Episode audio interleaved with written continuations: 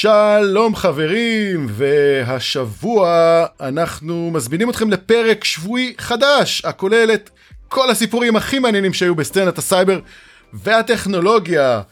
בפרק הזה של סייבר עם חברים, תוכנית אקטואליית הסייבר והטכנולוגיה, אנחנו מארחים את אדי הררי. שלום אדי. אהלן אהלן. מה שלומך אדי? טוב, הייתה לנו שיחה כרגע, עצבנת אותי, אתה יודע לעצבן אותי לפני הפרק, ואז בפרק כולם אומרים, מה זה, למה אדי עצבני?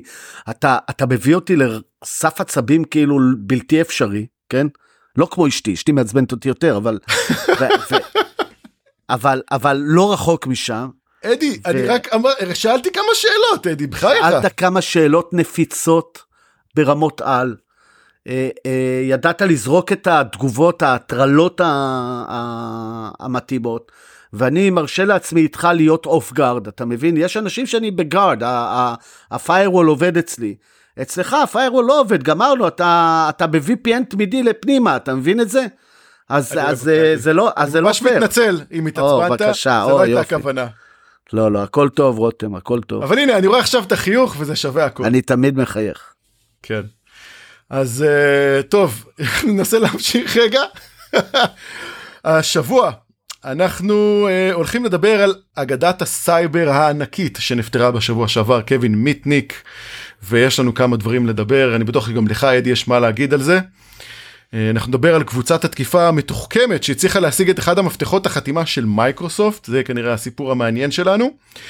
נדבר על בית משפט שגזר השבוע שלוש שנות מאסר על צעיר שהפיץ יותר מעשרת אלפים תמונות עירום של נשים, גם ילדות.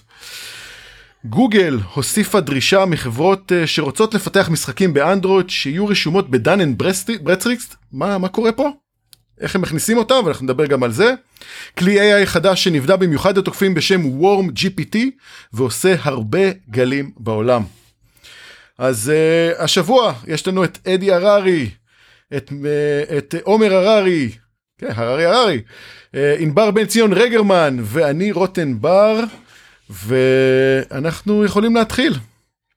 אז אה, אדי, קווין אה, מיטניק, אנחנו נגיד איזה כמה כן. מילים, אנחנו אולי נעשה introduction לדבר הזה, מה אתה אומר?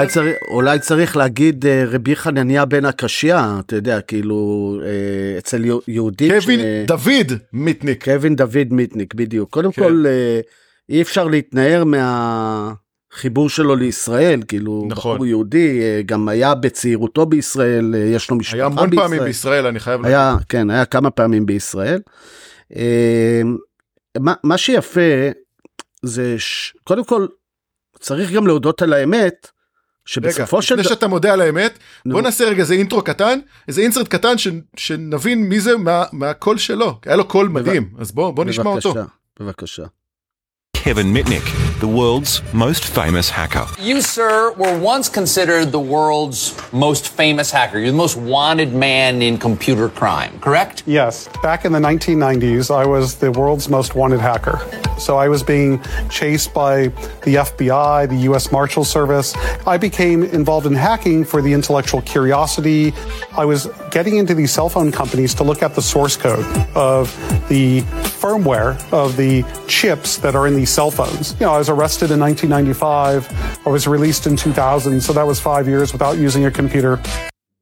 אני חייב להגיד שחמש שנים בכלא, הוא מספר שהוא ישב שנה שלמה בבידוד, כי מישהו התקשר לשופט ואמר לו שאם קווין פותח את הטלפון ומתקשר לפנטגון, הוא יכול להוציא טילים. ורק בגלל מישהו שלחש דבר כזה לשופט הוא ישב עוד שנה בבידוד. אני, אני קודם כל אני אסביר. אה, אחד, אני מאוד אוהב את מה שהוא אומר, ודרך אגב, הוא, הוא, זה בן אדם שנפטר, אז יהיה קשה לי, קצת קשה לי להגיד את הדברים שאני הולך להגיד, כי הוא סך הכל הוא נפטר, ויש uh, ביהדות אומרים, אחרי מות קדושים אמור, זאת אומרת, לא, לא מדברים, לא מדברים סרה על uh, מתים, אבל צריך לזכור. נכון. קודם כל, הוא לא הציג את עצמו הכי נכון שיש. זה ברור לך. אה, אתה היית מציג אותו? אה, הוא, הוא היה, תראה, הוא היה קרימינל, זה, זה שיהיה ברור. אה, כן. הוא, היה, הוא, הוא היה קרימינל, הוא גנב כרטיסי אשראי, הוא, הוא ניסה להשיג בכל, בכל מאודו, אני חושב שאפילו השיג חלקים נרחבים מהקוד של VMS, מערכת, המערכת של דיגיטל, זה היה המטרה נכון. העיקרית שלו, הוא מכר חלקים כאלה, הוא גנב בשיחות טלפון, ב, אני מניח, ב... אלפי, אולי עשרות ואולי אפילו מאות אלפי אה, דולרים. אה, הוא שיבש מערכות לחברות, אה, ולבוא ולהגיד אה, out of curiosity, כמו שהוא אומר, זה נחמד בכנס ששואלים אותך ולהציג את עצמך ככה, אבל זה לא היה המצב. אה, עכשיו, אני, אני לא טוען, הוא, הוא, הוא, זה לא מוריד מהאגדה שהוא היה, אוקיי? אה, ברור שהוא היה אגדה, ומה שיפה בכל האגדה הזאת, זה שהמשפט, הוא לא כתב שורת קוד מימיו, אה, יכול להיות תקף עליו, זה אולי משפט מוגזם, אבל קווין מיטניק לא היה אה, אה, האקר במובן של הוא היה מפתח את הפריצות ואת הדברים, הוא היה יותר, אה, יותר חזק בקטע של social engineering. אחד הדברים שאנשים לא יודעים, ויש את הצ'אטים, ה talk, פעם היה את הפקודת talk אה, בין, אה, במערכות אה, IP, גם ב DECnet היה ה talk וזה, ואחד מהדברים הדברים שאנשים לא יודעים, זה שמי שכתב לקווין את ה exploit שדרכו הוא, אחד הדברים העיקריים שהוא עשה, exploit ב-SMTP, היה בחור בשם JSZ, אם אני לא טועה JSZ, לא פחות מאוניברסיטת באר שבע. נכון. אה, אה, ויש עד היום את הלוגים של הצ'אט ביניהם, נדמה לי ב-2600 וב-The Takedown אפשר לראות את זה. אה, אז יש שם קשר ישראלי מאוד מאוד מאוד אה, הדוק בכל הסיפור הזה. דרך אגב, ה-JSZ הזה, שאין לי מושג מי הוא, חיפשתי לראות מי זה היום, אבל נעלמו מה שנקרא עקבותיו. אה, או בים או בתעודת זהות חדשה, אחד, מה, אחד מה, מהדברים האלה. אה, זה, לגבי קווין מיטניק, יש את קווין מיטניק שלפני הכלא ויש את קווין מיטניק שאחרי הכלא. קודם כל, קווין מיטניק לא, לא מספיק שהיה, ישב, כשהוא ישב, הייתה התאגדות מאוד גדולה בעולם, כי כבר התחיל עידן האינטרנט, קמו אתרים שגייסו לו 2,600 בזמנו, אה, היה גייס free כסף. קווין, זה היה ממש אירוע. בדיוק, free קווין, אירוע ממש. אה, ו- ו- וזה איגד, הסיפור איגד, ו- ובאמת, אתה יודע, אני, אני חושב ששם התחילה ההבנה של אה, חברים, אפשר לשלם מחיר על השטויות הדיגיטליות שאתם עושים, כאילו, לא היה מקרה לפני כן מאוד מאוד ברור, יכול להיות שכן, אבל אני יודע, לא, לא ברמת תפוצה כזאת עולמית, שכולם יודעים שהבן אדם נכנס אה, אה, אה, לכלא לזה, וזה לא קל. קווין מיטניק שאחרי הכלא, אני רק אקצר, קווין מיטניק שאחרי הכלא הוא בן אדם שונה לגמרי מקווין מיטניק שלפני הכלא, דיבר בכנסים, דיבר יפה, יצא לי לפגוש אותו גם בישראל אה, פעמיים אם אני לא טועה, וגם בארצות הברית אה, כמה פעמים. סתם, לא, לא בקטע של אה, אחד על אחד, אבל לפגוש אותו, כאילו לדבר איתו, לשאול אותו שאלות. הוא מאוד מרשים. הוא הוא, מאוד הוא, מרשים. בחור, הוא, בחור, הוא בחור פיקח, בחור מאוד פיקח, אבל תגיד לי לעזאזל, מה, מה זה שכל ההאקרים אה, הולכים בגיל צעיר מסרטן הלבלב? אני, זה, זה לא הראשון, אתה יודע. יש לנו, אה, אם אני לא טועה, גם סטיב ג'ובס. אה, גם סטיב ג'ובס, נכון. דרך אגב, סטיב ג'ובס עכשיו כל, ה, כל האנשים יבואו ויגידו, סטיב ג'ובס, האקר? אז התשובה היא כן, כן. by definition, אה, הדברים שסטיב ג'ובס עשה בחיים שלו, הוא עונה להגדרה אה, אה, של האקר. אולי לא אה, הכי טכנולוגי, זאת אומרת, הכי אה, אה, עם, עם ידע של הביטים וזה, אבל בהחלט גם סטיב ג'ובס הוא אה, עונה להגדרה הזאת. אז אני רוצה להגיד, בגדול, אחד הדברים הכי משמעותיים של אה, קווין מיטניק, שהוא בעצם מה שהוא נתן לנו כחשיפה עולמית למושג social engineering, אני לא בטוח אם הוא המציא או שהוא היה רכב על הגל הזה, אבל social engineering זה משהו שהוא באמת ידע לעשות בצורה ברמה הגבוהה ביותר, ו- וזה מה שהוא עשה, ואחד המשפטים הכי חזקים שלו שהוא שמע, שהוא, שהוא היה אומר, אתה בתור חברה יכול להביא את האבטחת מידע הכי גבוהה הטכנולוגית שלך, אבל אתה לא יכול באמת למנוע ממני לפרוץ לך דרך האנשים. דרך העובדים שלך. וזה כן. אירוע שאני חושב שעד היום חברות סובלות ממנו. תשמע אנחנו מדברים פה אזור שנות ה-80-90 והוא עדיין זה, זה עדיין אירוע טכנולוגיה זה משהו שאפשר להגן אנשים פחות. כן, אבל בסוף, כי אם אתה מאפשר לאנשים, אם אתה מאפשר לאנשים ל... לעבוד, אתה מבין, אתה חייב לאפשר להם לעבוד. אתה חייב, אז יש לך נקודת גישה למקומות, ש... לנכסים שלך, כי מישהו עובד עם הנכסים. זה, זה סוג של פרדוקס בסוף, כן? מהמם. לולאה לולאה אינסופית נקרא לזה. כן. אז אה, כן, אה, אני חושב שלקראת, אה, בשנים האחרונות הוא עסק בעיקר במציאה של כל מיני דרכים מאוד מאוד מתוחכמות ויפות, איך אה, לעבור כל מיני אה, אה, אנשים ולהגיע למידע שלהם. אחד הדברים שהוא המציא, שזה מדהים, אני גם פרסמתי את זה בלינקדאין שלי, הוא פרסם, אה, הוא המציא ממש סוג של כבל טעינה רגיל לאייפון ולאנדרואיד, שזה נראה כבל, לא אין שם שום דבר. ובפנים יש שבב עם, עם בלוטות' שברגע שאתה מחבר את הטלפון שלך למחשב, הוא בעצם יכול להשתלט על המחשב שלך מרחוק. זה אחד הדברים הכי מדליקים. אם מישהו לא ראה, חפשו בלינקדאין שלי, אני, אני עכשיו, רק שתבינו מי זה, כאילו, מי זה קווין מיטניק, הוא פרסם את זה בדוקטור פיל, כאילו היה שם, אז ה- האינסרט הזה משמה, תראו את זה, זה שלוש דקות שאפשר לראות מי זה קווין מיטניק, הוא פרפורמר אמיתי, ואמיתי הוא משנת 2000 הוא באמת עוזר לחברות לעשות אבטחה יותר טובה, זה, זה אשכרה ככה, משמעותי. לגמרי, לגמרי. הוא, דרך אגב, הוא גם אחראי על העובדה שהיה לו את, ה... את הפריצה, את ה-man in the middle ב-TCP מול אה, טלנט, בסשן של טלנט, הוא גנב ל...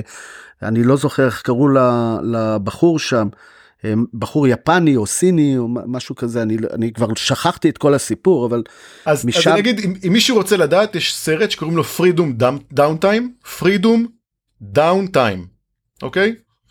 ובעצם אה, זה הסרט הדוקומנטרי על קווין מיטניק, הוא יצא ב-2001, הוא זמין חופשי ביוטיוב, שעתיים של בואו תראו איך החיים היו לפני 30 שנה להאקר שניסה לאתגר מערכות שאפילו המערכות לא ידעו כשמאתגרים אותם או מה זה אומר מבחינתם.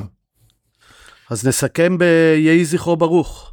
יהיה זכרו ברוך. כן, קווין דוד מיטניק.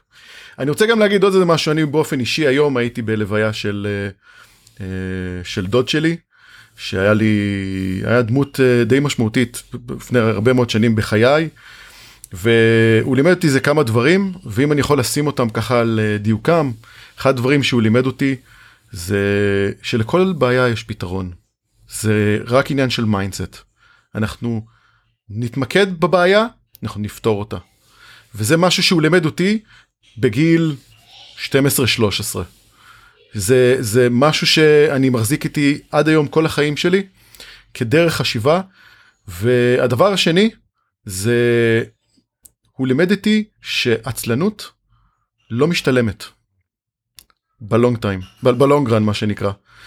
החריצות משתלמת ותהיה חרוץ זה ישתלם לך. וזה שני דברים, אה, הוא לימד עוד הרבה דברים, אבל אני חושב שזה הדברים שאני לקחתי לי באופן אישי, היום הייתי פשוט בלוויה, אז היה לי קצת זמן לחשוב עליו, על ישראל רייזמן, שהוא דוד יקר. אה, ו- יהי כן, זכרו ברוך. יהיה זכרו ברוך, כן. נוכל אה, להמשיך? כן, בוא נדבר במעבר- רגע על... אה, זה נקרא במעבר חד. במעבר חד מאוד, וואי וואי וואי, אז יש לנו מעברון, בוא נשתמש בו. רשימת ספקי שירותי סייבר, אני חייב להגיד שהצליח להפתיע אותי הסיפור הזה, ונרשמו באמת באמת המון המון אה, אה, ספקים. אם אתם לא נרשמתם, תירשמו. זה, זה אירוע מאוד מאוד uh, גדול, אני עוד פעם, אני מאוד מוקסם מזה שנרשמים, נרשמו עכשיו, בוא נראה כמה, כבר פעם אחרונה שראיתי 50 ומשהו, היה כבר 60, זה, זה באמת אירוע, אני באופן אישי החלטתי שבתגובות אני אשאל כמה שאלות על, על העולם שלנו, לא הרבה שאלות, אבל כמה שאלות, ואחד הדברים שאני, היה חשוב לי לשאול, זה חוץ מהעובדה של איזה שירות ומה אתם נותנים, בעצם עשינו טופס ספקי שירות סייבר שהטופס נועד למי שמספק שירות סייבר ואם אתם מספקים שירות סייבר תמלאו. אנחנו ניקח את כל הטופס עם כל המידע ונפרסם אותו באינטרנט, שיוכלו לחפש אתכם, למצוא אתכם. זה הדבר הכי חשוב לכל אחד ואחד מאיתנו, במיוחד בשנה שהיא מאוד מאתגרת כמו 2023. אז דברים שאני שאלתי ואני לא, משהו שאני שאלתי ואני לא הולך לפרסם אותו, כמשהו אינדיבידואלי לפר חברה, אלא יותר דברים כממוצעים, זה כמה אתם גובים לשעה. זה היה מאוד מאוד חשוב לי. אה, ו- ואני מאוד מאוד אהבתי שהיום רוב החברות הצליחו לעבור את ה-200, 200 ומשהו שקל ועברו לכיוון ה-300, ה-399. ואני מאוד מאוד שמח, זה חדשות ממש ממש טובות.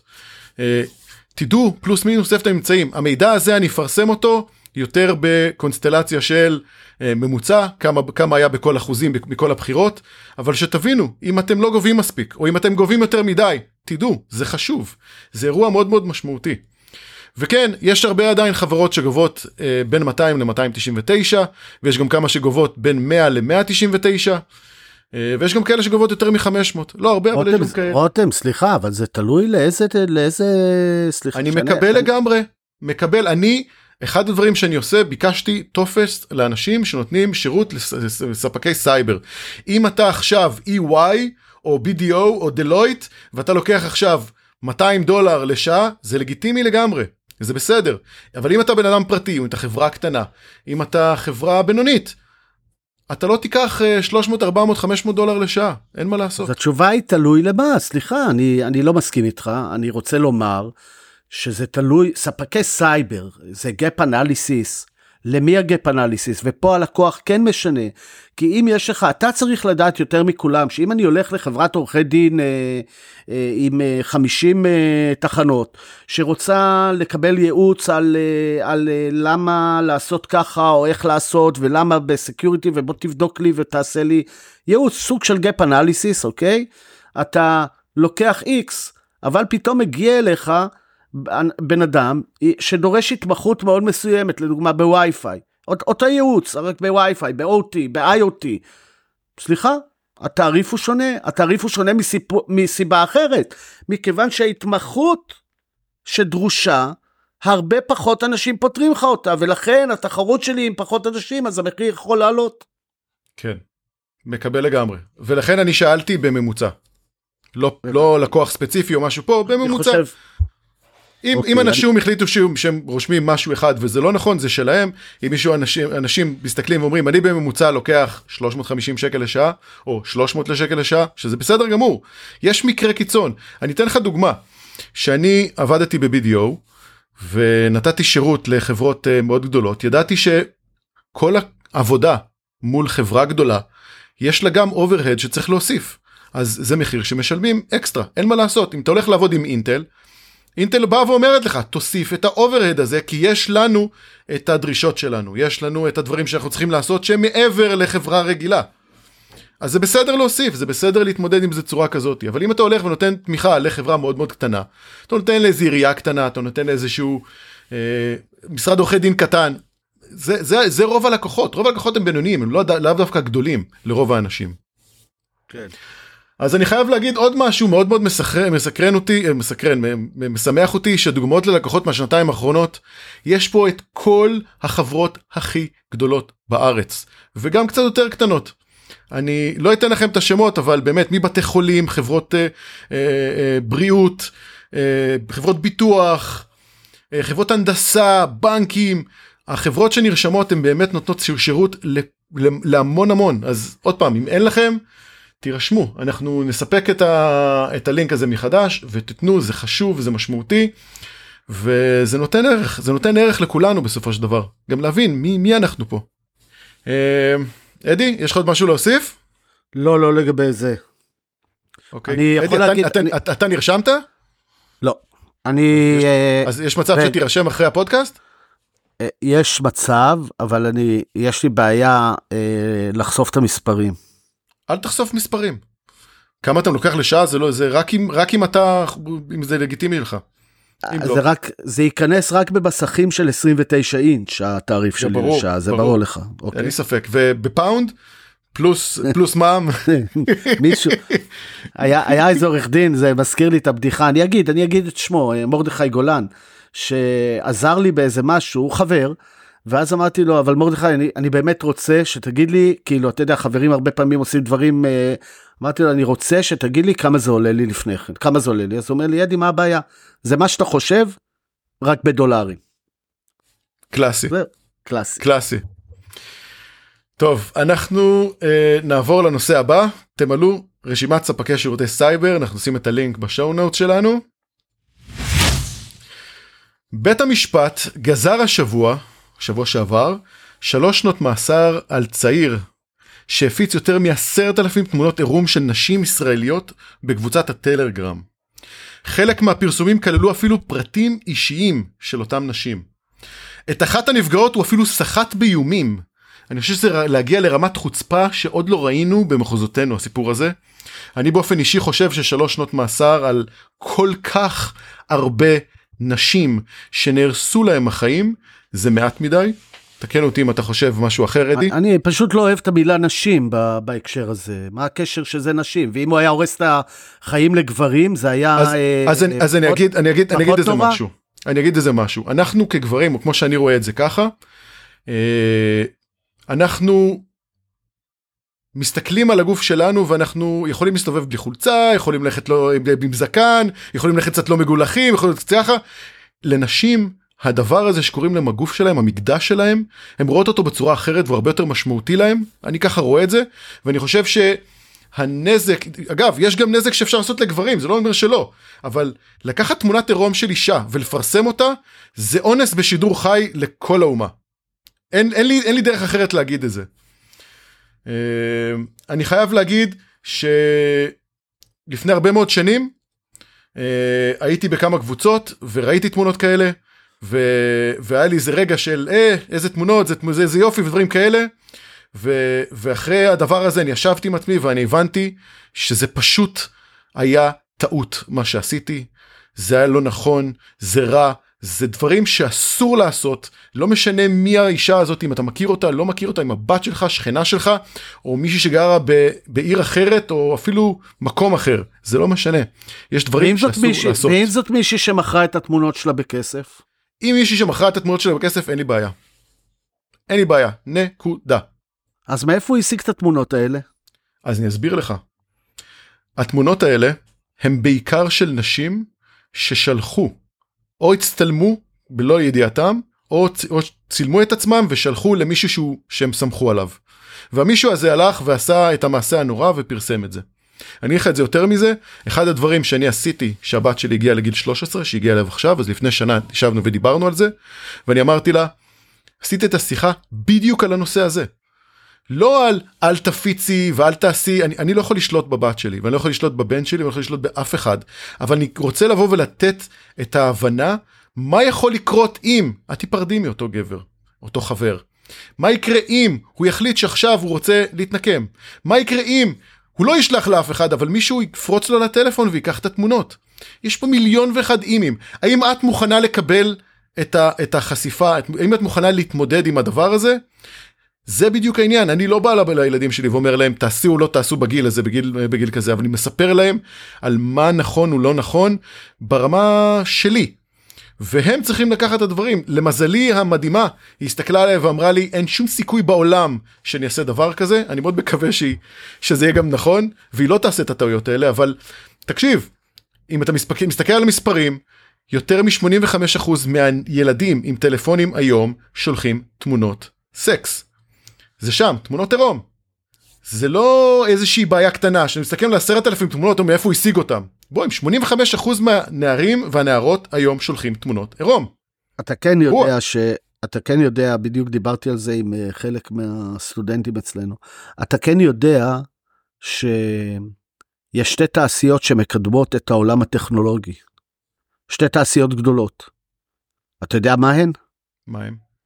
תעשיית הגיימינג זה אחד, אבל הראשונה זו תעשיית הפורנו, נכון.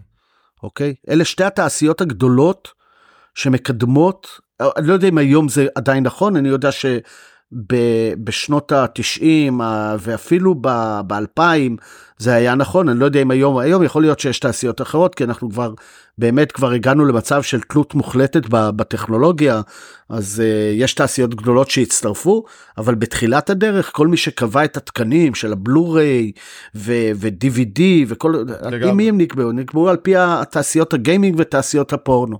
אז... Uh, במקרה של הבלו-ריי זה לא היה גיימינג, זה, זה, זה היה דווקא הפורנו. גם ה-DVD, כן. ה-DVD נכון. והבטא, הבטא לא נכנס בגלל הפורנו, כשזה היה גדול להם ואמרו אנחנו לא נשלח את זה בדואר. טוב, תרתי כן. משמע, זה היה גדול להם, כן? כן, טוב, זה בוא נעבור, להם. בוא נעבור, בוא נעבור. ובמעבר חד, כן, אז אנחנו עם חדשות הבינה עם עומר, שלום עומר. היי hey, חברים, שבוע טוב, מה שלומכם? טוב, היה לנו עוד שבוע מטורף, אבל אנחנו כבר רגילים, אז נתחיל הפעם מהסוף. OpenAI שחררו לג'בטה פיצ'ר חדש שנקרא Introduction Costume Instructions, כלומר הנחיות מותאמות אישית, או במילים שלי סופר פרומפט. מהיום משתמשי פלוס יכולים להגדיר העדפות ודרישות אישיות למודל, אותם הוא יזכור לכל שיחה, גם כזאת שתגיע בעתיד. העדפות, לדוגמה כמו מה השם שלי, איפה אני גר, מה התחביבים וכו', וגם דרישות כמו תתנהג כמו מומחה למשהו, או תענה רק במאה מילים ואין צורך לחזור אחריי. בעזרת השכבה החדשה הזאת, כל אחד יוכל לייצר לעצמו ChatGPT אישי. חשוב לציין שבשונה מהפונקציה הזו שקיימת כבר מזמן ב-API, הפעם מוצמדת לפונקציה ההערה הבאה. מידע זה ישמש לשיפור ביצועי המודל, אלא אם ביטלת את הסכמתך, וייתכן שגם ישותף עם התוספים שהפעלת. אז שימו לב. אולי זה הגיע כתגובה למה שכולם דיברו עליו בכלל בשבוע האחרון. פייסבוק, הלוא היא מטא, משחררים את מודל הלמה 2, שפה מודל גדול שהוא בקוד פתוח וזמין בחינם לשימוש גם מחקרי וגם מסחרי. מודל הלמה 2 היא גרסה משופרת של הלמה 1 כמובן, וכוללת בעיקר הרחבות טכניות משמעותיות באיכות הנתונים, הטכניקות, ההדרכה והבטיחות. זה די מטורף לראות את כל השיתופי פעולה ש Meta עושים עם חברות ענק בתעשייה. אבל יותר מכל שיתוף פעולה יש אחד שמככב, וזה השיתוף פעולה עם מייקרוסופט, שהשבוע הם הודיעו שהם עובדים ביחד. חברת Meta הולכים להפוך את למה 2 לזמינה לשימוש בפלטפורמות של מייקרוסופט, Azure ו Windows. במקביל לזה Meta גם מוציאה עוד מנוע חדש, מודל חדש, שנקרא Chameleon, מודל שמוגדר לעולם של האומנות, והעניין שם שהוא יכול להמיר לא רק טקסט לתמונה, אלא גם תמונה לטקסט. בהתחשב בעובדה שמדובר ב Meta, מאוד מעניין לראות איך זה ישפיע על התחומים כמו המטאוורס. עוד שיתוף פעולה אסטרטגי של Meta שקרה השבוע עם חברת Qualcomm, וזאת כדי לגרום למודל של למה 2 לרוץ על השבבים של קוולקום בטלפונים ובמחשבים אישיים החל משנת 2024. זה אולי סוף סוף מה שהיה צריך לקרות כדי שהמלכה תזוז מהכיסא. על פי הדיווחים הלא רשמיים, אפל מפתחת צ'טבוט בינה מלאכותית, המכונה באופן פנימי לפחות, אפל GPT. עדיין אין עדכונים על מה שהולך לצאת, אבל מה שכן אמרו שהוא כנראה ישתמש במודל iJax, שבנוי על Google JAX ופועל על ה Google Cloud, ואנחנו רק יכולים להעריך שהמקום בו זה ייכנס לפעולה זה אצל לא אחרת מאשר Siri. בטח כבר משנה הבאה נתחיל לראות לה כוחות חדשים. ממשיכים לגזרה אחרת. כמו שאנחנו יודעים, בינה מלאכותית משמשת ליצירת אבטרים דיגיטליים של ידוענים שנפטרו לשימוש בסרטונים וסרטים חדשים. אז בשביל להכניס אתכם יותר לתוך כל האווירה הזאת של מראה שחורה, מאמר חדש מציג גישה ליצירת תוכן אפיזודי באיכות גבוהה. באמצעות מודלים וסימולציות מרובות, תגידו שלום למכונה שמייצרת תוכניות טלוויזיה. דגם השואו אחד שמציין במח... שמצוין במחקר מיועד לפרקים דמויי סאוד פארק, והתוצאות פשוט מטורפות. זה צעד ענק למקום הזה של היי hey, נטפליקס, תעשה פרק של חברים שכולם הולכים לראות את אילון מאסק ומרק צוקרברג בקרב אגרוף בזירה. דרך אגב, במחקר יש פרק חדש של סאוט פארק שכולו נוצר בעזרת בינה מלאכותית, כולל הווידאו, כולל הסאונד, והוא מטורף. אם לא הייתם יודעים, סביר להניח שלא הייתם יודעים. ולסיום, חוקרים מ-Integrated Bioscience בשיתוף המכון הטכנולוגי של מסצ'וסס, MIT והרווארד, זיהו שלושה תרכובות סנוליטיות חדשות ממאגר של למעלה מ-800 אלף מולקולות. אחרי שבדקתי מה זה אומר, אז מסתבר שסנוליטים הם מולקולות קטנות שיכולות לעכב תהליכים הקשורים להזדקנות. אני לא מדבר פה על זה ש-AI ייתן לנו חיי נצח. אני מדבר פה על עוד צעד לכיוון היכולת הזאת של AI לזהות תרופות חדשות למחלות שעד היום לא מצאנו להן מרפא. אין ספק שאנחנו ממשיכים לרוץ קדימה בצעדי ענק, ובטח יהיו לנו עוד הרבה עדכונים גם בשבוע הבא, אז אני אמשיך לעדכן ואנחנו נשתמע. תודה רבה, עומר. אני חייב להגיד שאולי נוכל לעשות uh, סימולציה לקווין מיטניק, מה אתה אומר? יכול להיות מעניין? אדי? אתה במיוט, אדי. סורי, סורי, הייתי על מיוט. כן. אה, כן, סימולציה, אני לא אוהב את הסימולציות האלה, אני חייב להגיד לך. אני יש הייתי רוצה לראות גם, איך סימולציה שלך הייתה נראית. יש גם את הטרנד, יש גם את הטרנד של אה, לקחת תמונה של מישהו, והתמונה נותנים לה איזה, עם, עם AI, 3D נותנים כזה. לה, נותנים לה חיות, כאילו היא מזיזה עיניים או מזיזה פה. אה, אני, אני מאוד לא אוהב את זה, אבל אני, אני מודע לא, זה להרבה... נחמד, מ- אני חייב להגיד, זה נחמד. תשמע, אני אמרתי אה, הלוך וחזור, דרך אגב הצטרפו לקריאה שלי אה, או יותר, אני צוחק, אבל אה, הרבה אנשים חושבים כמוני שצריך טיפה לעצור ולחשוב. אה, אני מבין שזה כנראה בלתי אפשרי שיעצרו ויחשבו. עכשיו קראתי גם כן על אילון מאסק שבונה איזה משהו חדש שמוגדר כן, שלו. מס, מס, מסוכן לציבור, אני לא... תקשיב, אני מבין, ועכשיו שמענו את, אה, את אה, שכחתי את שמו, אה, נו, ההקלטה של, קווין מיטניק. לא קווין, עומר, מיט, עכשיו, עומר? עומר, כן, עומר הררי, נכון? אז, כן. אז, אז, אז, אז, אז הוא דיבר שם על אה, אה, חיי, לא חיי נצח, הוא אמר, אני לא מדבר על חיי נצח, אני מדבר על זיהוי תרופות למ- למחלות ודברים כאלה. והניסיון שלי אומר שבטכנולוגיה, כל דבר שפתר לנו בעיה, גם יצר בעיות אחרות במקומה. אוקיי. אה, אז אה, אה, אני, אני חושב שזה דבר טוב, הטכנולוגיה היא דבר טוב, וה-AI הוא דבר טוב וזה, אני, אני, אני, אני רק...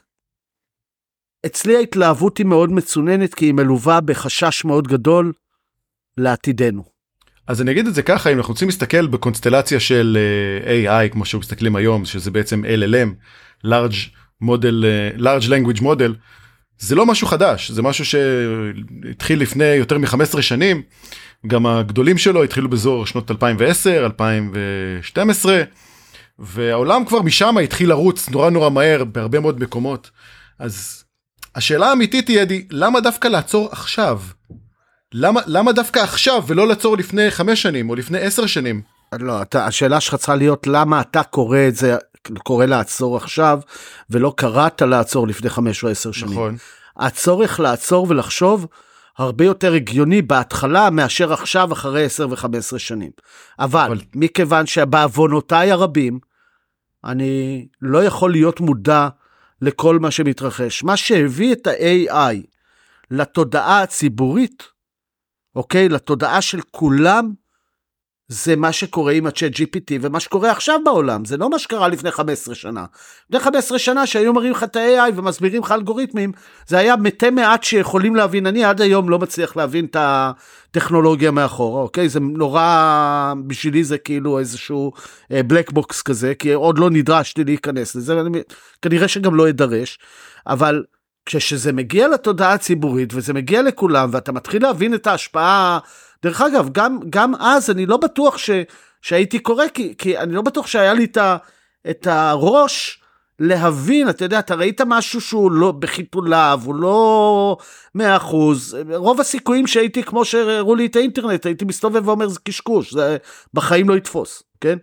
אז, אז אותו דבר פה, אותו דבר פה, כאילו, זה, אתה שואל למה עכשיו?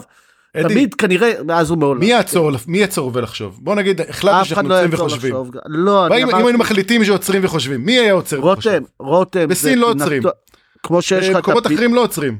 כמו שיש לך את הפינה של עומר עם אה, חדשות ה-AI, יש לך את הפינה של אדי עם, ה... עם הבכייה לדורות, אוקיי? זה הכל.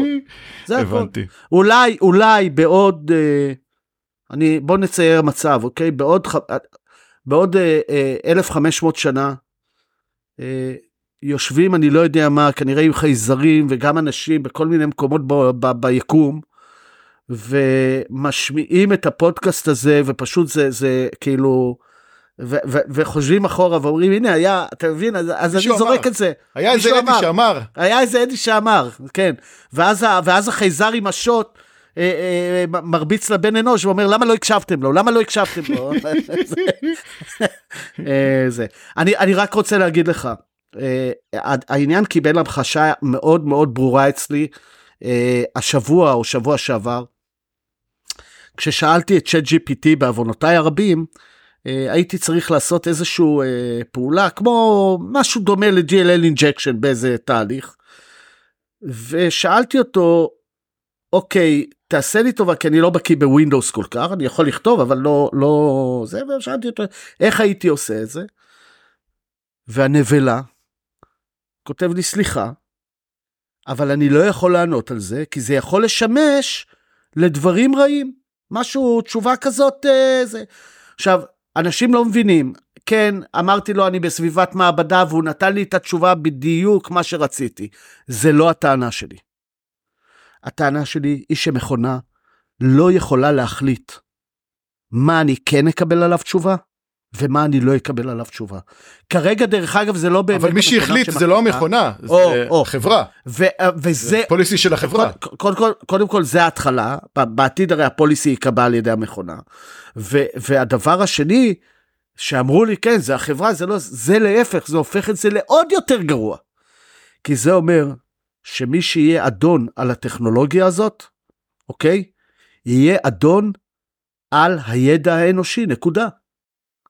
אוקיי? ולכן אנחנו צריכים ו- כמה שיותר כאלה, לא כמה שפחות. לא, אני לא אמרתי שכמה שפחות, אנחנו צריכים לדאוג שכאלו לא יהפכו למונופולים ולא ישתלטו על גוגל- חלקות מאוד גדולות. גוגל היום הם אדונים של המידע ב- ב- בעולם, ומישהו... אבל הם הם לא יחידים, הם לא יחידים. רגע, רגע, הם לא היחידים, אבל... ו- ומישהו אמר שזה טוב?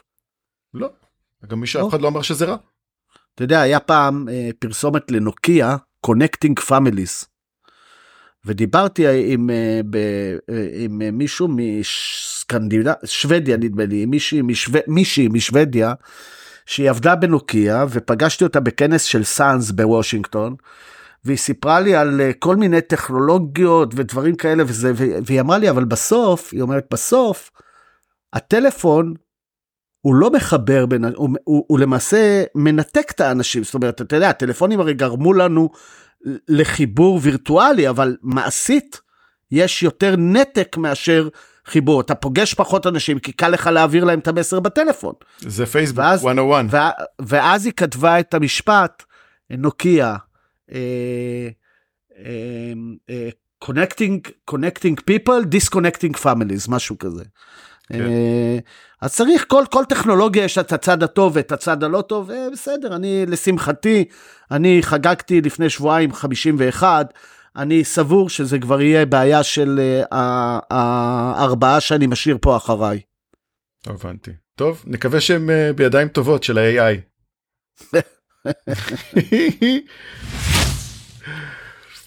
קבוצה שמייקרוסופט משייכת לה את, פי, את הפעילות נקראת על ידי Microsoft Storm 0558. אה, היא כנראה קבוצה סינית אבל זה לא עדיין לא סגור הסיפור הזה.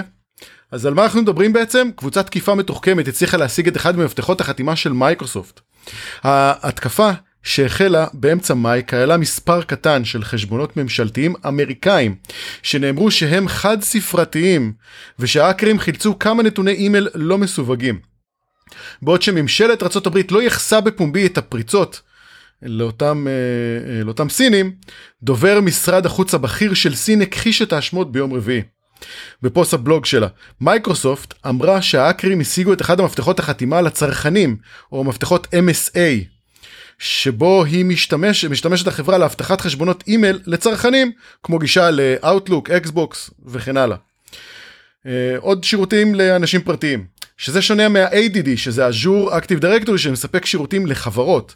ההבדל ביניהם מתחיל כשנכנסים למייקרוסופט והוא שואל האם זה חשבון פרטי, או אם זה חשבון uh, של העבודה או של בית ספר. ואנחנו צריכים לבחור, ואז בעצם יש לנו, אנחנו הולכים לש, למה שנקרא לאזור שונה במייקרוסופט. אז מפתח MSA, ש-MSA זה Microsoft Account, הוא מפתח שמייקרוסופט משתמשת כדי לאשר את החיבור של המשתמש עצמו ולאשר את הכניסה. עיבוד של המפתח כזה יכול לספק כלי רב עוצמה לתוקפים לכניסה חופשית לאיזה חשבון שהם רוצים. מייקרוסופט אמרה. בהתחלה שהיא חשבה שההאקרים זייפו אסימוני זהות. אה, סליחה, אסימוני אימות באמצעות מפתח חתימה הארגוני ש- ו- ושהושג, המשתמשים לאבטחת חשבונות מייל ארגוניים וארגוניים. אבל מייקרוסופט גילתה שההאקרים השתמשו במפתח ה-MSA הצרכני כדי לזייף אסימונים שאפשרו להם לפרוץ לתיבות דואר הנכנס אה, הצרכנים, דווקא מהצד הצרכני. אה, אה, סליחה, המפתח הוא MSA של הצרכנים, אבל עם זה הם הצליחו להשתמש בכניסה למפתחות ארגוניים. מייקרוסופט אמרה שזה בגלל, אדי, תקשיב, שגיאת אימות בקוד של מייקרוסופט.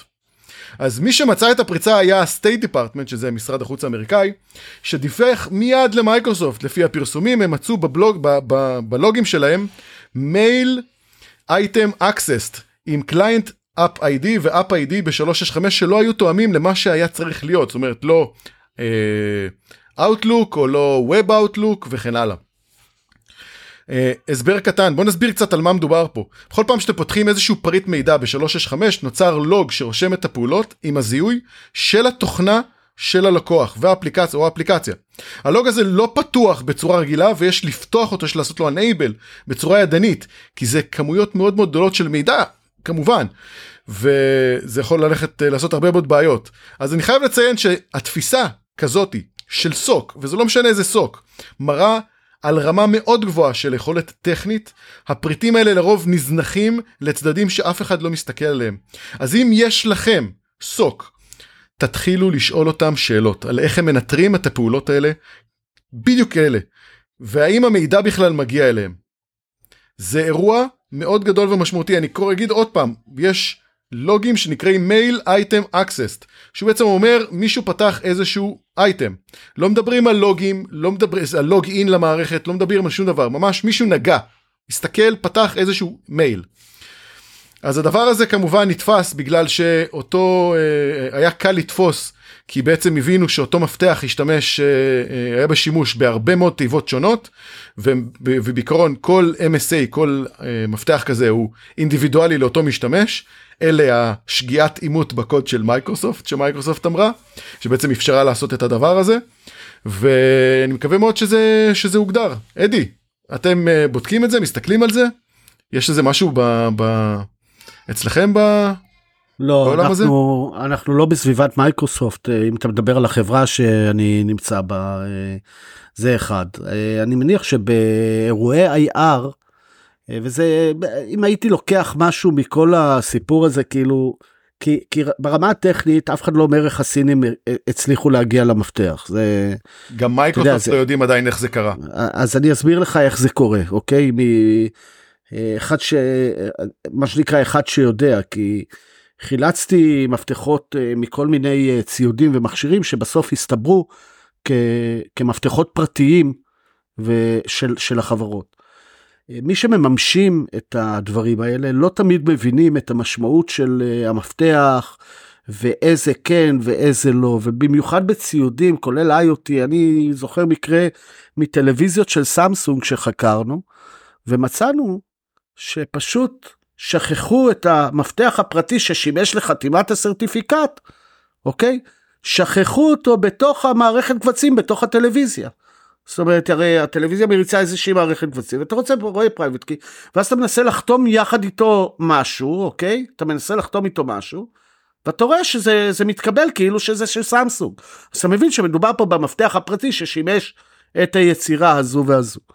אה, אבל מה שהתחלתי להגיד זה שאם הייתי לוקח מפה משהו, ואני כל הזמן אומר את זה גם אה, בכל מקום אפשרי, העולם, אה, עולם הסייבר, יש נושא שנקרא visibility, אוקיי?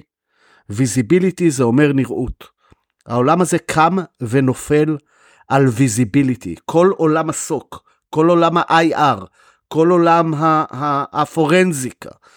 בסוף נופל וקם על visibility. אני מציע, אם יש מישהו ששומע את הדברים האלה ומתעסק איתם, אני לא בא ואומר, תעבירו הכל. תעבירו הכל זה משהו שהוא לא עומד במבחן המציאות. לשמור את כל הלוגים שבעולם. אבל אני לא רואה אנשים שיושבים ועושים פריורטיזציה על מה אני שומר, מה אני לא, ובאמת משקיעים מחשבה, כי זה אחד הדברים שכשקורה משהו, יכול להיות ההבדל בין האם אני יודע מה קרה, או לא יודע מה קרה. והעובדה שמייקרוסופט עדיין לא יודעת איך הם הגיעו למפתח, שמכיוון שמדובר בסין, אני לא הייתי פוסל את אפשרות ה-brute force, אוקיי? אה, שזה גם, גם יכול להיות אפשרי. אה, למרות שאנחנו, לא יודע, היום, אתה יודע, היום עם אה, כל החידושים ב-quantum computing ו- ו- וההתקרבות שלנו ליכולות מחשוב, שלך תדע, תדע איזה טכנולוגיה סודית יש לאנשים כאלו ואחרים. אז אני, אני כן חושב שצריך להשקיע בנושא ה-visibility ובמיוחד בענן שלא כולם יודעים, אבל יש אפשרויות לקבל כשירות את הלוגים האלה וצריך אותם. ואפשר להכניס אותם ל-SIEM המקומי שלנו או ל-SIEM בענן וכולי וכולי וכולי. אז אני אגיד... זה מה שהייתי לוקח מפה. בהמשך לנושא הזה ו... ולאחר כנראה ביקורת של יכולת הלוגים שלה מייקרוסופט הרימה את הכפפה והולכת להעמיק את יכולות הלוגים שלה בענן בצורה משמעותית. ואם אנחנו רוצים לשים את זה טיפה אה, פרופורציות לקוחות ה-standard יקבלו שדרוג משמעותי ליכולות הלוגים שלהם אבל עד גבול מסוים לקוחות ה-enterprise יקבלו את כל כוח הלוגים הזה ממש בחודשים הקרובים כשאני אומר חודשים קרובים זה ממש קרוב ואני אשים את זה בנקודה מאוד מאוד ספציפית צריך להגיד את זה מייקרוסופט יש פה אינטרס לייצר הרבה מאוד לוגים היא רק עכשיו קלטה את זה ועכשיו היא הולכת לעשות את זה וזה אומר שהיא הולכת לייצר הרבה מאוד לוגים מסיבה נורא נורא פשוטה אתה יודע מה יהיה אדי? אתה רוצה לנחש? מה? consumption. לא, קוראים לזה consumption. מה זה אומר disk space? לא, לא הבנתי. consumption אה, זה אומר כשאתה מעלה דברים לסנטינל אז בעצם כל לוג תופס נפח אז גם התעבורה וגם המקום שנמצא שם אתה משלם עליו.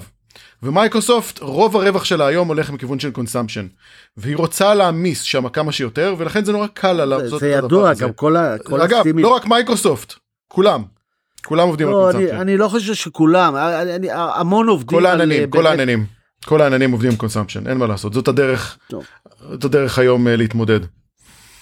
אז אה, בוא בוא נקווה שזה יהיה אני אני שואל אתכם המאזינים אם מישהו מנטר את ה-mail item accessed ואם ה-client app ID וה-app ID שונים. אז בוא הנה אני חוסך לך את זמן אותו משתמש. אני, אני חוסך אתם, לך אתם את... מנטרים את זה בכלל?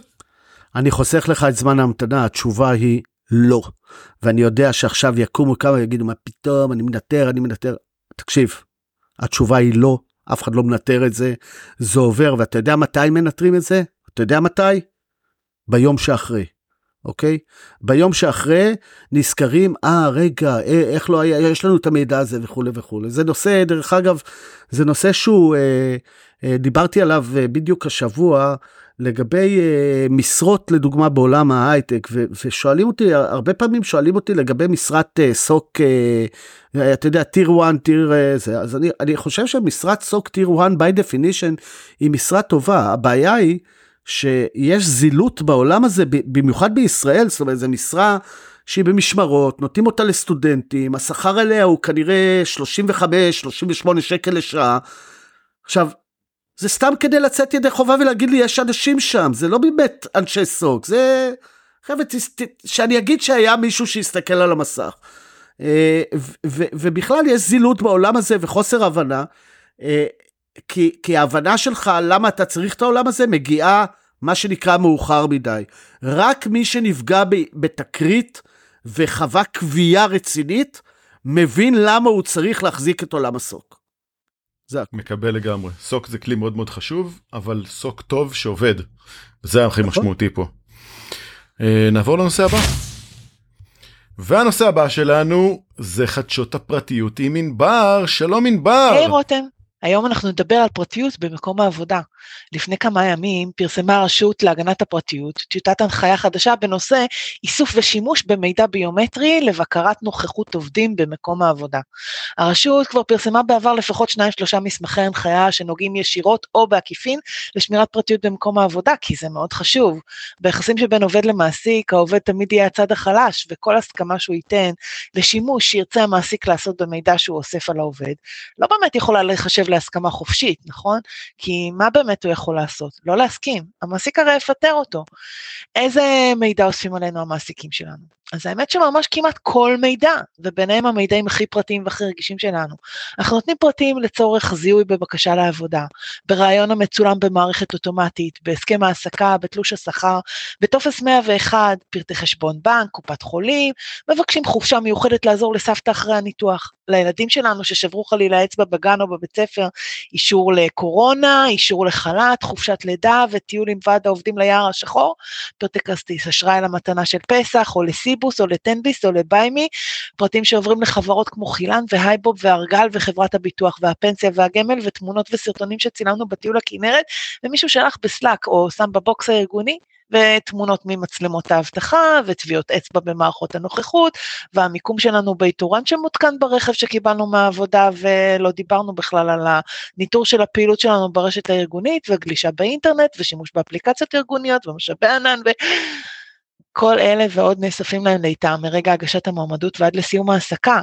מישהו מאיתנו פעם תהה, איך כל זה נשמר? איפה זה נשמר? איך המעסיק משתמש בזה? האם זה מאובטח מספיק? לאיזה מטרות מותר או אסור לו להשתמש במידע? באיזה חלק של המידע?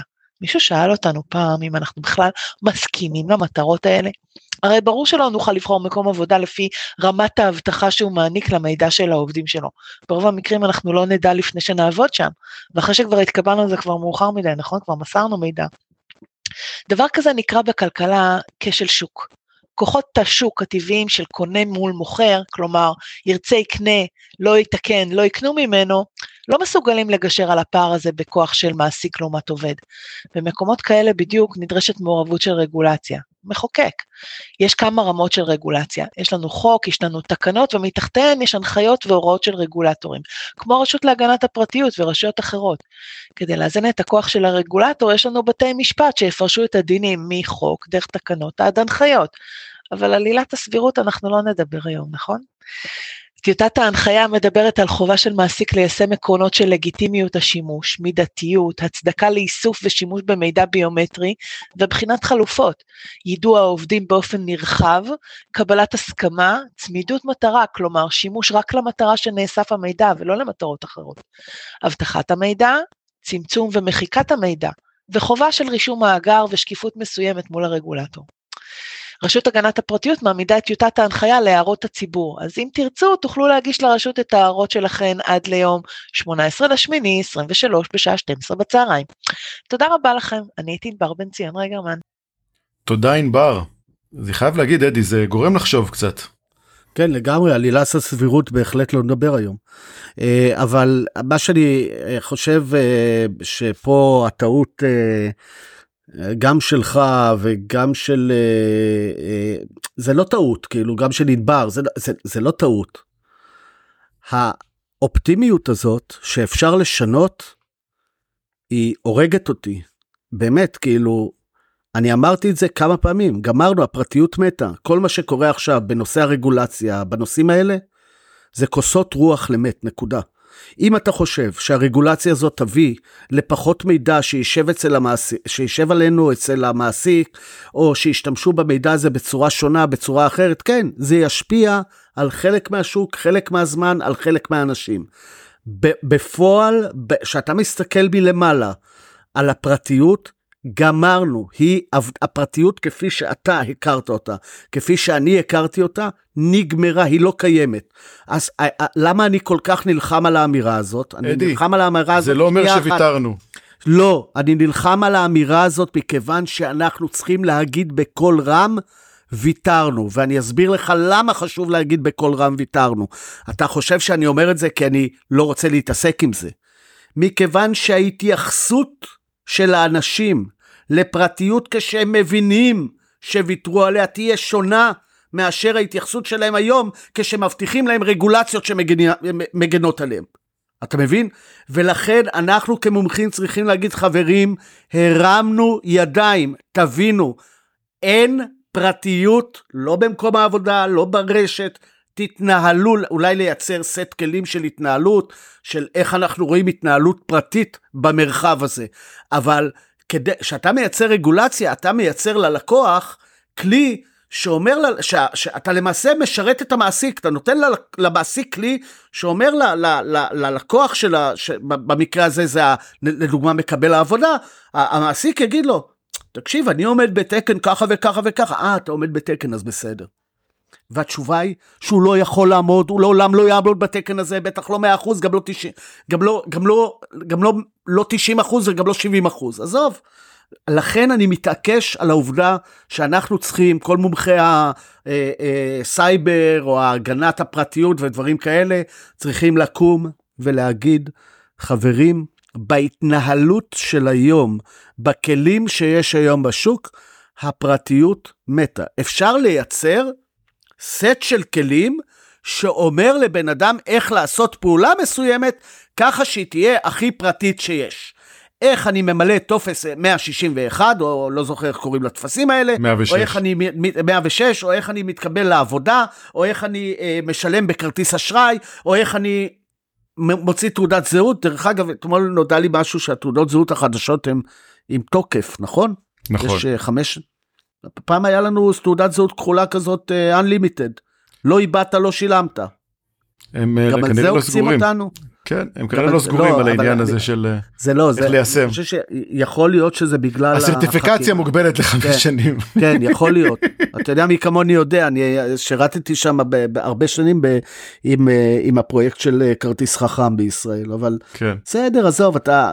בקיצור, הבנת את הנקודה שלי? אני הבנתי. אני מקווה שגם המאזינים שלנו. וגם ענבר. וגם ענבר כמובן. דרישה חדשה לפליי של גוגל, החברה הודיעה שמ-31 לאוגוסט כל חברה שתרצה להירשם לפליי תידרש לרשום את מספר ה-DUNS שלה, and Bradstreet, אה, כתנאי לרישום. Dun and Bradstreet זו חברה אמריקאית המספקת בחינם רישום לחברות. עדיין לא ברור באופן מדויק מה טיב הבדיקות שהיא תבקש מעכשיו, אבל צריך לקחת בחשבון שהרישום במערכת שלה לוקח כ-30 ימים. אז רישום מהיר לחנות של גוגל ופרסום אפליקציות יכול להידחות משמעותית אם אין תכנון מראש. גוגל משווה את התנאים שלה לתנאים של אפל, אפל מצידה עושה את הבדיקות האלה בעצמה, ללא צד שלישי. אה, דורשת תשלום אה, שנתי של 99 דולר וכן הלאה. אז אה, פתיחת משתמשים שהם לא חברה לא יידרשו לרישום כזה. אגב, רק שתדעו. שינוי של policy של מייקרוסופט, לא, של, של גוגל. של גוגל. לא יודעים? יאללה. זה נראה לי כלי שאתה תרצה לדבר עליו. ה-Worm GPT, כלי AI חדש שמאפשר לתוקפי סייבר להשיק תקיפות סייבר מתוחכמות. ה-AI שהופכת, שהופכת לכלי סייבר התקפי, זה אולי לא מפתיע שטכנולוגיה הופנתה מחדש על ידי תוקפים לטובתם, מאפשרת דרכים נוספות למימוש מטרתם. על פי ממצאי SlashNext, כלי חדש לפשעי סייבר בינה מלאכותית בשם Worm GPT פורסם בפורומים של הדארקנט. כדרך של תוקפים אה, לעשות אה, התקפות פישינג אה, מתוחכמות לדואר עסקי. בוא נשים דברים על השולחן. אני שומע את ה-Worm GPT הזה, וזה בסך הכל איזשהו LLM מאוד מאוד קטן שיודע לעשות טקסטים. אפשר לרשום לו שם, תעשה לי מייל שעושה ככה, אין לו פשוט את ה constraint שיש ל- אה. ל- ל- ל-OpenAI. אני- אבל יש אני- כאלה, אני, דרך אגב, אני רצתי על המק הקטן שלי, יש לי מק M1, והצלחתי להריץ עליו LLM שנותן בדיוק את הדברים האלה. באופן תיאורטי יכול לשאול, יכלתי להגיד לו בוא תרשום לי גם מייל malicious, והוא היה עושה לי את זה כי אין לו שום constraints, וזה רץ. שנייה, שנייה. Uh, השרבוב של המילה AI לכל, uh, לא רוצה, לא יודע איך להתבטא, אבל לכל, uh, אתה יודע, התוכנה הכי קטנה שרצה היום בעולם, כן, AI, AI, AI. היה אז את הכתבה, ש... את הטוויט של אה, בחור שחקר, וגדי גדי עברון אה, שיתף לנו אז בקבוצה את, ה... את הלינק, ואני קראתי את זה ואמרתי, תגיד, תג... איפה, איפה ה-AI בסיפור? הוא, הוא אמר, איך, איך בניתי זירו דיי בעזרת AI, וכאילו, מה, מה הוא עושה ב-AI שם, כאילו, אז, אז יש... ו- ובאמת אחר כך הוא הוריד את הטוויט נדמה לי וכיסחו אותו מימין ומשמאל של מה הקשר של AI לסיפור שלך ו- ו- וכל זה. כאילו, מדובר פה על כלי, אה, לא, לא יצא לי להשתמש בו, אז אני קצת אה, בהסתייגות, אני אומר את המילים ממה שאני שמעתי וממה שדיברתי עם אנשים. כמו שאמרת, מדובר פה בכלי שיכול לנסח אה, אי אלו הודעות כדי להיות מתוחכם בהם. בלי מגבלות שם, וזה פשוט וקל, לא זה משהו מתוחכם. הבנתי, אני לא חושב שה-AI שיפר את, הוא אולי חסך פה טיפה זמן ל... אתה יודע מה, מה הוא עשה? הוא הנגיש את התחום למטומטמים. בדיוק, אהבתי. זה, זה מה שקרה. אדי, יותר מעשר שנים חיילים ועובדים בצבא ארצות הברית עשו טעות בכתובת המייל של, של חיילים אחרים, ושכחו להוסיף את ה-i לדומיין שלהם. כך יצא שמיילים שנשלחים באופן קבוע לדומיין army.mil, m-i-l, נשלחו בטעות עם הסיומת ml, ששייכת למדינת מאלי האפריקאית. הבעיה המשיכה שהמדינה הקטנה הזאת היא פרטנרית קרובה שלא אחר מאשר רוסיה. כך יצא מצב לא הגיוני שמיילים עם מידע משמעותי, ומסווג אפילו, יוצא לדומיין שהוא לא צבאי. יוהאנס זוורביר, יזם הולנדי שקיבל את הניהול של כל תחום הדומיינים של מאלי, אומר לפנייינשל טיימס שזה קורה כבר למעלה מעשור, למרות שניסיונותיו החוזרים והנשנים להזהיר את ממשלת הברית, כאשר זוורביר, אני חייב לקרוא את זה ככה, אין לי מה לעשות. החל להבחין בבקשות עבור דומיינים לא קיימים, כמו army ml או navy ml. הוא הקים מערכת לתפוס את המיילים המכוונים האלה, מה שנקרא לעשות להם trapping, שהפייננשל טיימס מדווח, הוא צף במהירות והפסיק לאסוף את ההודעות, זה היה כל כך הרבה שהוא הפסיק לעשות את זה. מאז, ינואר השנה, על פי הדיווחים, זוורביר ירד יותר מאלף 117 אלף אימיילים שגויים. חלקם מכילים מידע רגיש הקשור לצבא האמריקאי. רבים מהמיילים כוללים רשימות רפואיות, מידע תעודת זהות, רשימות על, צוותי, על, על צוות בבסיסים צבאיים, תמונות של בסיסים צבאיים, דוחות בדיקה ימית, רשימות צוותי אוניות, רישומי מס ועוד. וזובורביר מסיים או סיים כבר את החוזה שלו עם מאלי בשבוע שעבר, אז אין סיכוי שיוכל ליירט את המיילים שלהם בהמשך. תוסיפו על זה שרוסיה הרימה בסיס צבאי ממש לפני שנה במאלי, וקיבלנו סלט בעייתי ביותר לארצות הברית. עכשיו שזה יוצא החוצה, הנושא מקבל חשיפה תקשורתית, וה-DOD החליט לחסום את הדומיין של מאלי לגמרי, ככה למגר את הבעיה. לא היום לא זה מאלי... מה? הוא לא מיגר את הבעיה בכלל. נכון, אני מקבל מאוד. היום זה מאלי, מחר זה יהיה משהו אחר. מיילים, למרות שאנחנו ממש אוהבים אותם, הם לא מערכת מוגנת. צריך להבין את זה. אז, אז שנייה, אז אה, שתי דברים כן. לגבי זה. קודם כל, זה לא נושא חדש. אתה יודע שיש אנשים שרושמים דומיינים על פי מיקום אותיות במקלדת. זאת אומרת, ירשמו מייקרוסופט עם N בהתחלה, למה? כי ה-M וה-N צמודות. או נכון. במקום מייקרוסופט, ואתה יודע כמה עשרות מיליוני טעויות יש בזה, וככה אפשר לגנוב כל מיני דברים, זאת אומרת, בפישינג וב... אה, אה, יש את הנושא הזה של שמות דומים, אבל פה אני מדבר על טעויות סמנטיות מקלדתיות, זאת אומרת, אה, ואני בטוח, דרך אגב, אני בטוח שאם היית, אתה אומר מיל, אם היו בודקים מי שלח ל... ל, ל, ל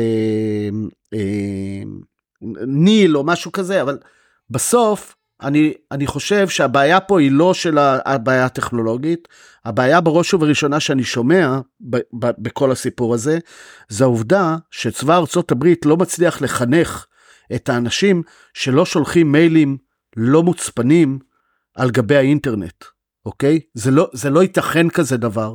אם אכן, אם אכן, אם אכן הסיפור נכון ברמה שמתואר פה, כי אני, יש לי קצת ספק לגבי הדקויות, כי בסוף ש-SMTP עובר הוא צריך MX רקורד וה, וה mail server אה, צריך בסוף אה, אבל הכתובת היא ML בסוף, זה בסדר. בסדר, אבל, אבל צריך שיהיה MX בסוף, ואחר כך שהוא מגיע צריך שיהיה את ה user שאליו זה, או, או sinkhole שמישהו יתכנת sinkhole. טיימס הציג את חלק מהאימיילים, חלק מהתמונות. אתה יודע איך הוא הציג, אתה יודע איך הוא הציג אותם, הוא הציג אותם כי כנראה הבחור הסניף שם, או הוא עשה פעולה מכוונת כדי לקבל את המיילים האלה. הוא יצר איזה sink כדי לקבל אותם, זה לא... לא צריך לעשות סינק, אם הוא מחזיק בדומיין, זה מגיע אליו. מה, מה זה מגיע? הוא צריך מישהו שיאזין לזה? אוקיי, לא, הוא לא צריך- יכול... צריך שרת, הוא צריך שרת שיקבל את זה עם MX רקורד, זה הכל. שיקבל את זה עם MX רקורד וגם יגיד שכל כתובת וכתובת היא אמיתית ונכונה בשרת הזה. נכון? מבין? לא, לא, יש, יש, או- את, לא, אתה יכול לעשות catch all address שבעצם לא משנה מה שולחים, זה מגיע לתיבה אחת. נכון, זה קיים. נכון, זה, בדי, זה בדיוק מה שקרה.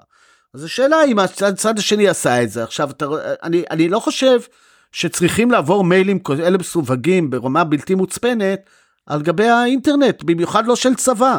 דרך אגב, גם לא של לא, צבא, אבל uh, פה יש uh, נו, נכשל גדול, אם אכן הסיפור הזה הוא באמת, uh, הכ, איך היינו אומרים בעבר, הכצעקתה. אם אכן הסיפור הזה הוא הכצעקתה, אז יש פה נכשל גדול לממשלת ארצות הברית, לצבא ארצות הברית. זה צבא גדול זהו. ויש טעויות, אין מה לעשות. לא ברמה כזאת. אני מצטער. כן, אתה יודע כמה אימיילים אני מקבל לפעמים? לפעמים אה, שמישהו טועה בכתובת או שולח אליי? זה קורה, אין מה לעשות. It is what it is. צריך גם לקבל את זה. אנשים טועים. טוב, אתה, אתה קורא אימיילים, אתה יודע, אני כבר מזמן, אני מזמן הפסקתי. כן. טוב, אה, אדי, תודה רבה. אני רוצה להודות לך, אדי. הררי. חדשות הבינה, עומר הררי. חדשות הפרטיות עם בר בן ציון רגרמן. אני הייתי רותם בר, ואנחנו נתראה בשבוע הבא. יאללה ביי!